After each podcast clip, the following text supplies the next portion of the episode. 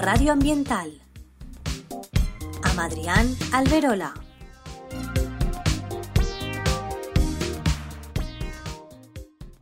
Hola a tots, benvinguts una setmana més a Ràdio Natura. Avui xerrarem d'una altra espècie, també animal, i que ens afecta directament a nosaltres i més en aquesta època del, de l'any. Eh, es tracta de la carabela portuguesa, que va ser notícia fa poc degut a, a unes picades que van rebre uns banyistes aquí en la nostra costa eh, alicantina.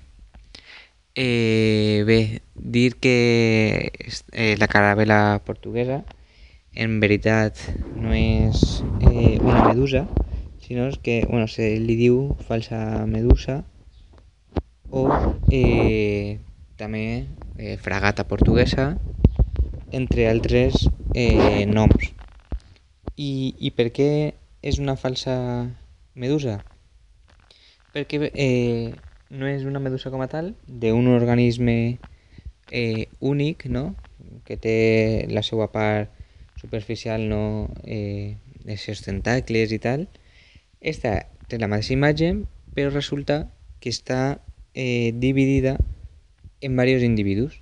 Diguem que han fet ahir una simbiosis, una unió, eh, un pacte entre diverses espècies xicotetes que a nivell individual es falten algunes cosetes i no podrien sobreviure, però que si se junten eh, formen un organisme eh, únic i que cada uno li aporta una cosa a l'altre. Per exemple, tenim per una part eixa, eixa vela, eixa cresta característica i després eh, eixa bolsa, no? eixa forma de bolsa, el, el cap, per dir-ho d'alguna forma, eh, és un individu, després tenim un altre que és la part defensiva, que és el dels tentacles, eh, després tenim un altre que s'ocupa de la reproducció. I després tenim un altre que eh, fa la digestió. Per exemple, a lo millor si el que fa la digestió no, necessita eh, el que captura la, la presa i la defensa per a eh, aconseguir aquest aliment i després de la digestió eh, agafa aquest aliment i li aporta els nutrients als demés i després tenim el de la reproducció o el, eh, la bolsa està en la cresta que li serveix també per a flotar i eh, deixar-se de eh, llevar per les corrents del mar, l'aire i de més. No? Si està més en superfície, pues l'aire també el pot eh, arrastrar. Eh, dir que, que de normal, eh, de forma general, viu en les regions tròpiques eh, i subtropicals d'oceans pacífics i índic i de vegades eh, també se, eh, se desplaça i apareix en el Mediterrani. Eh, l'any passat ja la van tindre, ja van tindre la presència de, de la caravela en, en les nostres costes i és perquè el Mediterrani, el Mediterrani també és un mar no, no tropical però sí que és prou calent. La temperatura és prou, prou elevada. No és el mateix si es banyem aquí en la costa d'Alacant que si es banyem en la costa de, de Galícia. l'Atlàntic o el Cantàbric és molt més gelat bé, dir també que eh, la seva picada és molt més agressiva eh, molt més eh, forta que el, la medusa normal que tenim aquí en la costa perquè després hi ha altres meduses que mi estan en Austràlia i són eh, mortals, no? Com la vispa esta que diuen que és una medusa i, i és mortal, és, és xicoteta. Eh, dir també, per una altra part, que eh, la forma esta de vela gelatinosa eh, sol mesurar entre 15 i 30 centímetres i els tentacles poden eh, bueno, sol tindre una mitja de 10 metres però que poden aplegar fins a 50 metres.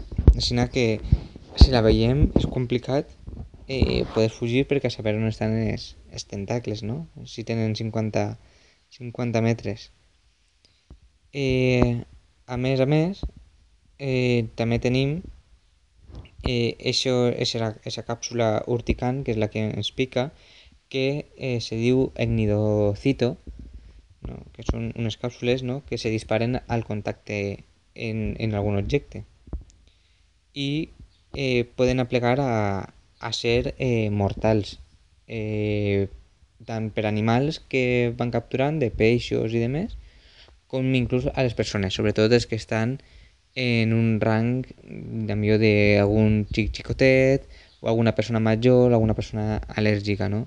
Eh, són grups de, de risc. I, eh, per tant, eh, és un verí paralitzant que pot causar des de, des de toxines eh, neuronals, no? de terminacions nervioses, com de la pell, com eh, cardíaques. Per tant, eh, provoca prou, prou dolor i pot provocar fins, fins la mort. Eh, per, per altra part, tenen uns depredadors naturals. Què passa?